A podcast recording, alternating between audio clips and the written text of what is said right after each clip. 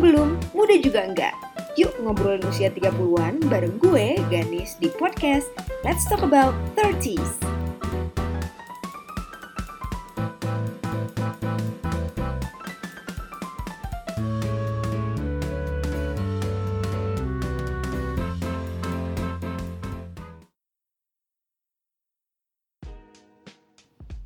Hai semuanya, balik lagi sama gue Ganis di Let's Talk About 30s. Nah di episode kali ini gak bakal sama nih obrolan kita hari ini dengan episode-episode sebelumnya Karena ada satu topik yang mungkin belum pernah gue bahas dari mulai episode 1 sampai episode terakhir Nah, topik apakah itu? Topik yang mungkin kalian semua tuh ke, dari kemarin selalu bertanya-tanya gitu loh, kayak kenapa sih kok kayaknya umur 30-an dark banget? Kok kayaknya 30-an kayak sedih mulu sih, depresif? Nah, sebenarnya enggak. Jadi, topik inilah yang akan gue angkat hari ini, yaitu tentang apa sih yang menyenangkan ketika kita udah usia 30-an. Nah, jadi ada empat poin yang mau gue bahas, dan di poin-poin ini adalah, ini subjektif gue banget ya, dan ini adalah hal-hal yang gue sangat sukai ketika gue masuk usia 30-an karena ternyata gue tahu bahwa wow ternyata di usia ini gue punya kemampuan lebih ya untuk melakukan si empat poin ini. Nah apakah itu? Oke kita bahas satu-satu. Poin pertama adalah tanggung jawab penuh terhadap diri kita sendiri.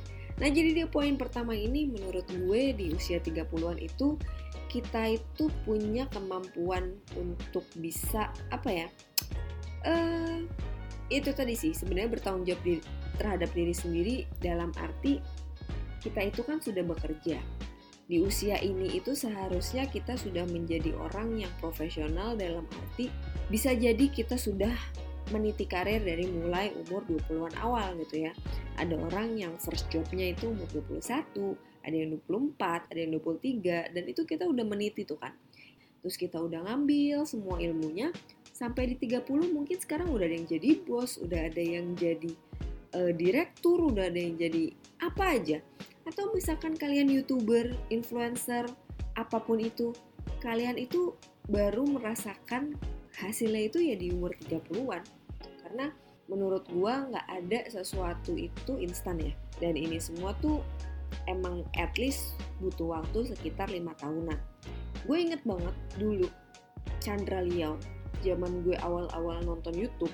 Jadi gue tuh dulu nonton YouTube dari mulai Reza Octavian masih jadi gamer, terus tim Tuan, Chandra Leo dan segala macam juga masih katro banget. Sampai sekarang udah sebesar ini. Dia waktu itu pernah bilang bahwa gue bikin video dari mulai kayak jelek banget deh gitu dan gue baru merasakan hasilnya itu setelah lima tahun ke depan jadi dia baru merasa sukses itu setelah dia bikin video YouTube itu lima tahun berturut-turut dan Reza Octavian pun demikian gitu ya.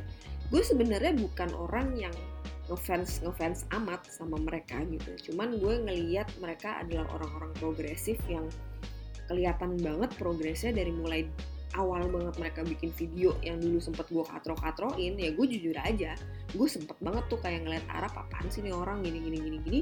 Sampai sekarang gue ngeliat dia bisa menjadi orang sukses yang menurut gue beda dari yang lain tuh menurut gue cukup inspiratif sih gitu loh jadi terlepas mau dia orangnya kayak gimana atau segala macem ya hal positif dari dia yang bisa gue ambil adalah ketika kita mau berusaha dan bekerja dengan benar-benar konsisten dan kita logikanya juga jalan dengan gak stuck di zona nyaman yang itu-itu aja, menurut gue kita semua bisa jadi orang sukses sih.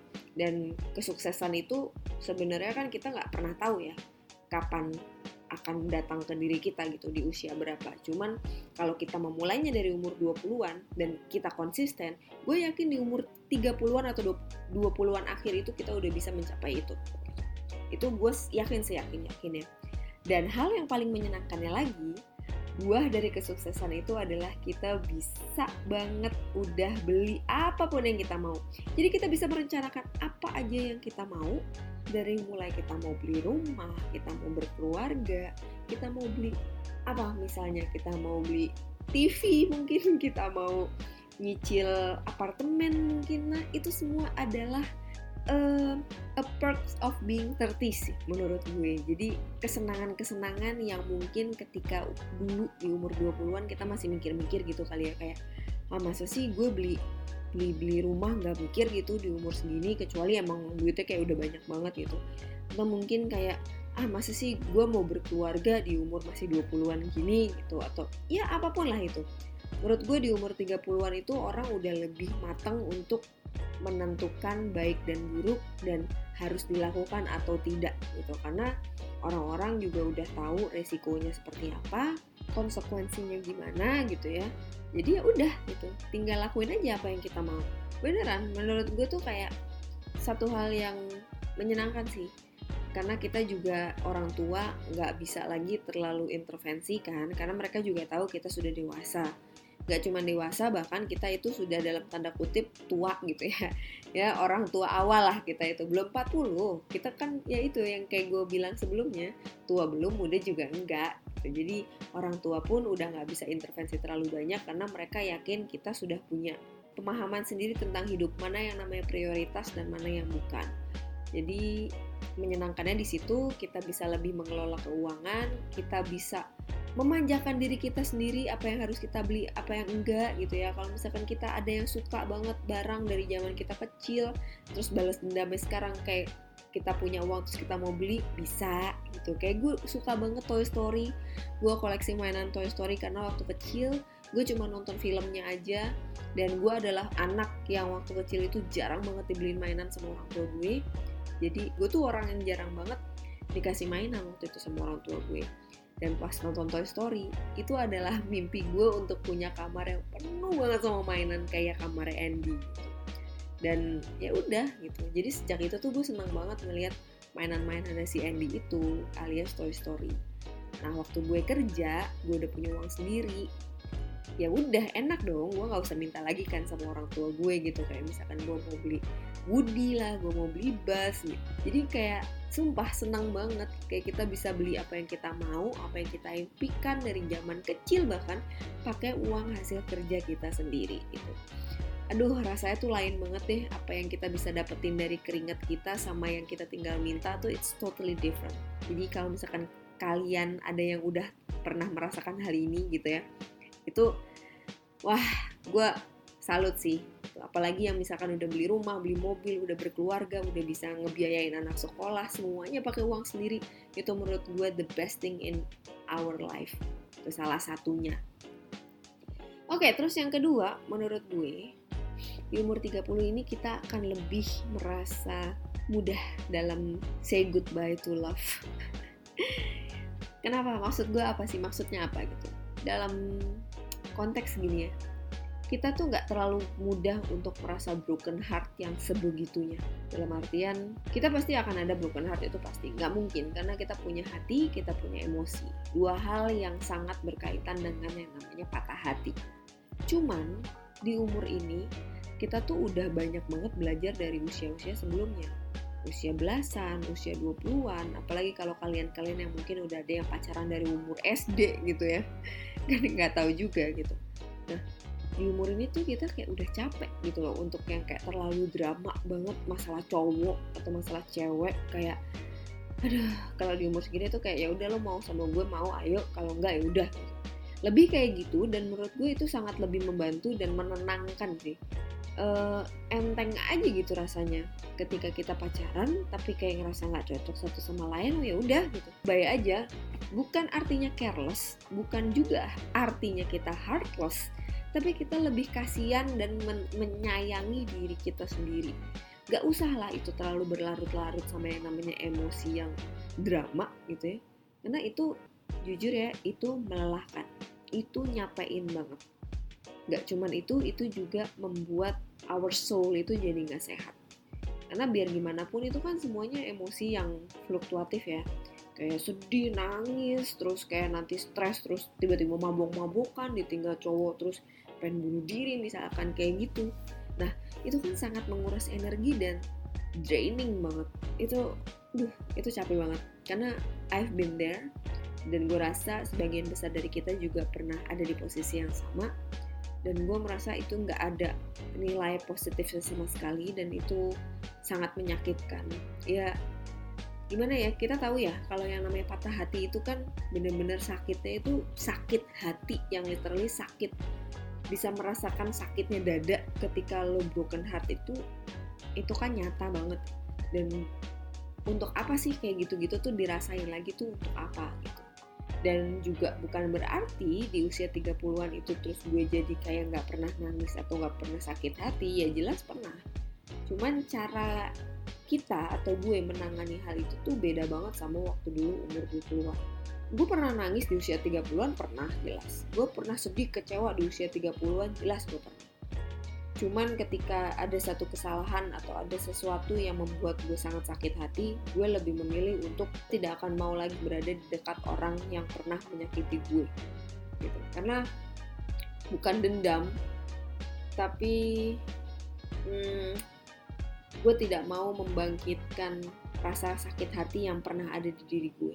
Gitu loh. Jadi orang-orang sering bilang lo ngapain sini dia kan udah jadi mantan lo. Kenapa sih lo nggak mau ngomong sama dia? Kenapa sih kalau kalau dendaman banget gak fair banget?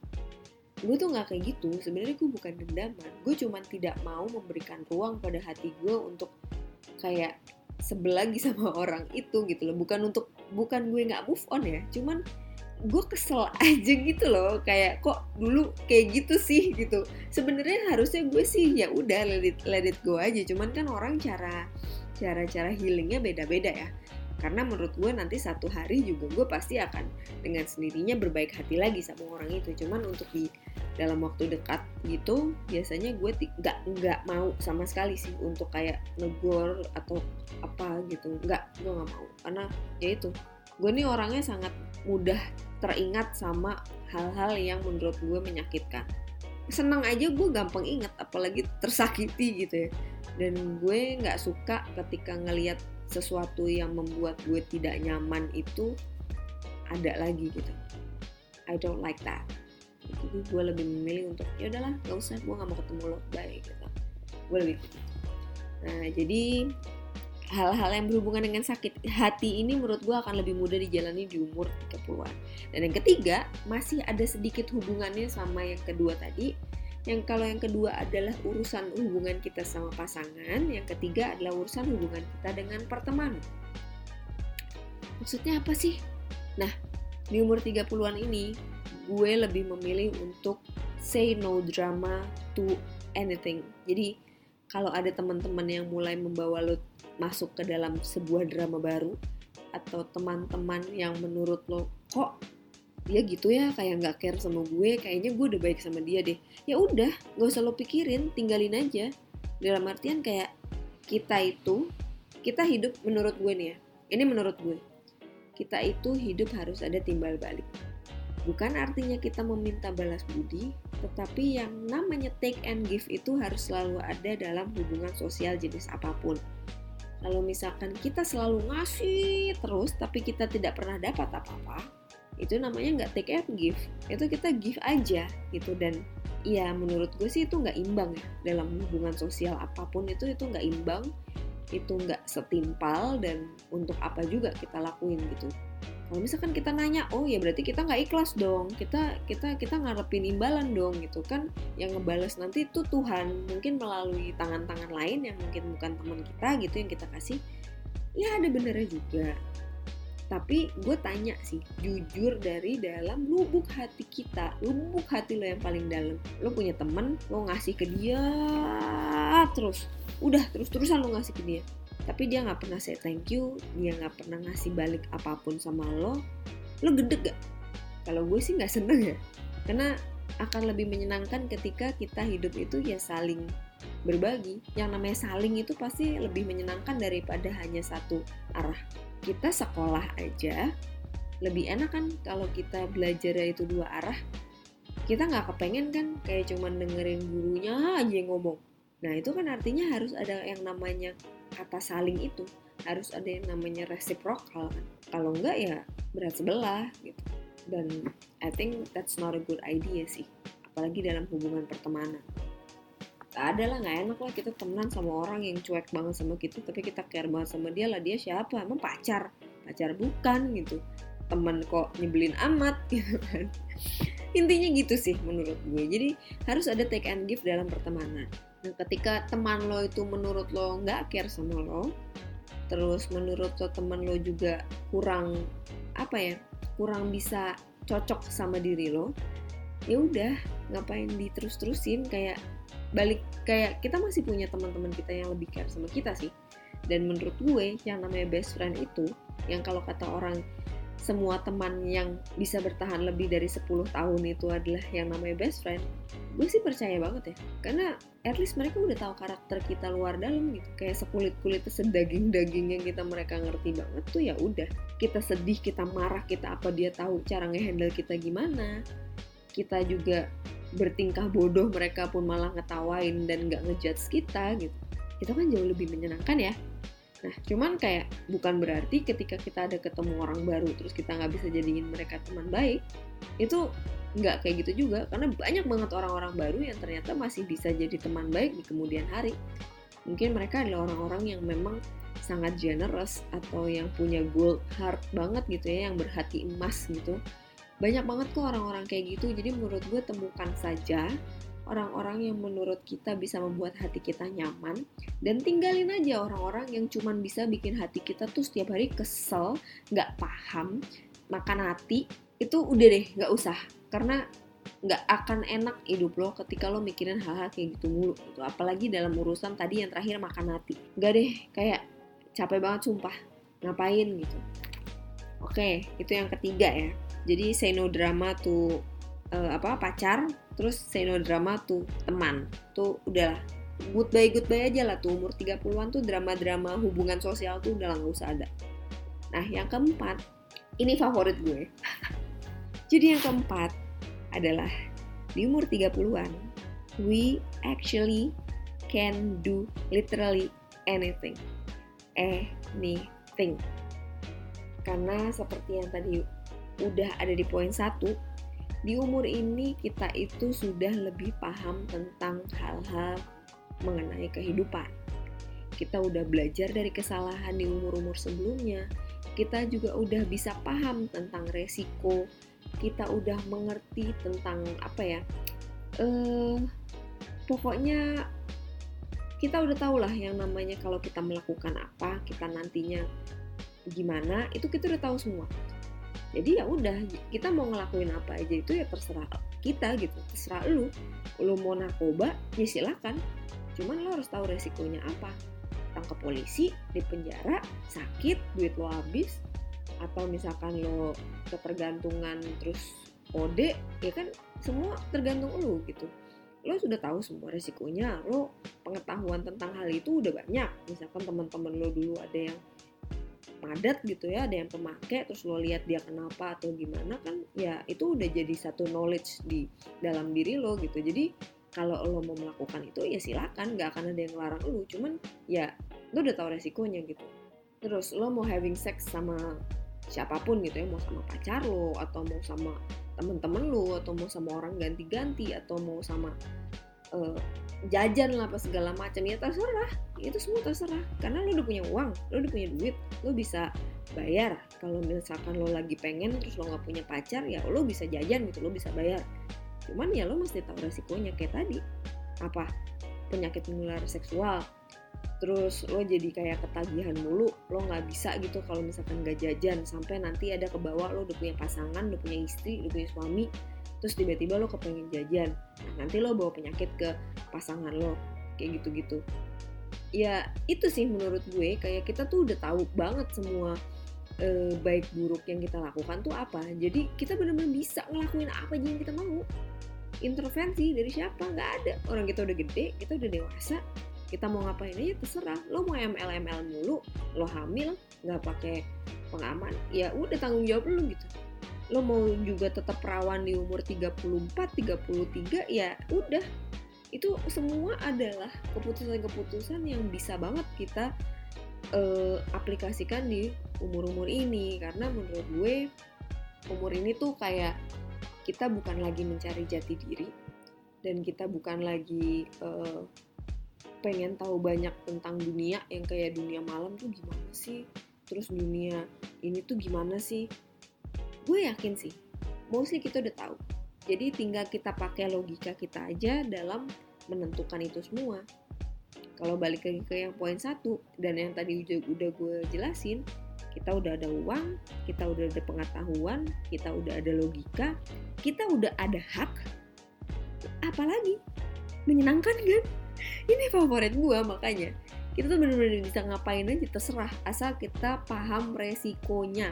Mau lo mabok-mabokan sampai gila, mau lo sampai apa ya, sampai lu nggak pulang-pulang ke rumah, mau lu duh mau lo minum mulu setiap hari sampai lambung lo jebol ya terserah lu gitu dan menurut gue di umur segini kita udah tahu batas sih harusnya kita nggak bisa melakukan hal lagi yang kita nggak tahu gitu kan. Kayak kalau dulu tuh kan kita masih cari jati diri ya jadi jadi kayak masih pengen pengen tahu gitu di umur umur 20-an tuh kayak apa sih rasanya mabuk yang mabuk banget? Atau eh kayak apa sih rasanya ngebaks gitu? Gue pengen dong cobain dong ngebaks kayak apa sih? Gitu ya kayak gitu-gitu tuh biasanya orang-orang lebih nyarinya tuh di usia-usia 20-an karena ya di 30-an itu ya emang bukan udah nyari lagi tapi ya udah ngelakuin aja. Intinya sih itu. Jadi kayak ya silahkan menikmati lah di usia 30-an tuh kayak enak banget deh. Semua bisa lo lakuin. Bener-bener semuanya. So itu aja tadi yang enak enak dari umur 30-an ada empat.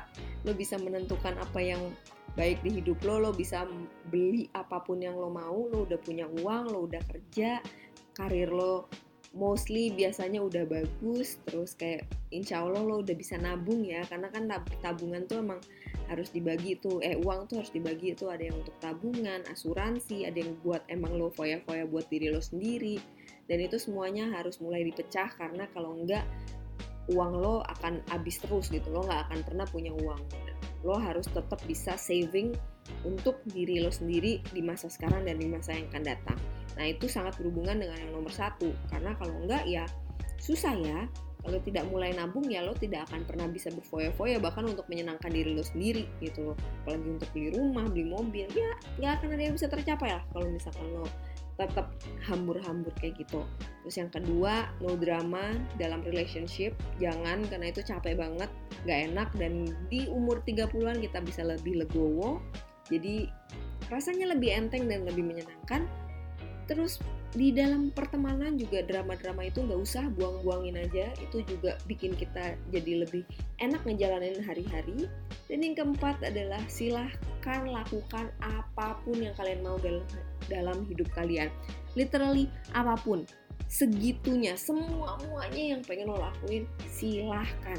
Cuman resikonya tanggung sendiri. So thank you for listening and sampai jumpa di episode berikutnya. Karena di episode berikutnya gue akan ngobrol lagi sama salah seorang temen gue yang mungkin obrolannya agak-agak ngaco banget nih. Tapi ya santai sih. Cuman ya memang karena nanti si teman gue ini orangnya agak bebas ya dalam bersuara dan menyuarakan apa pun yang dia mau. Jadi ya agak wild lah obrolan kita besok ini. Wild dalam artian ngaco. Jadi bukan wild yang gimana banget tapi lebih kayak ngaco sih. Oke, okay, so thank you for listening sekali lagi and see you on another episode. Bye bye.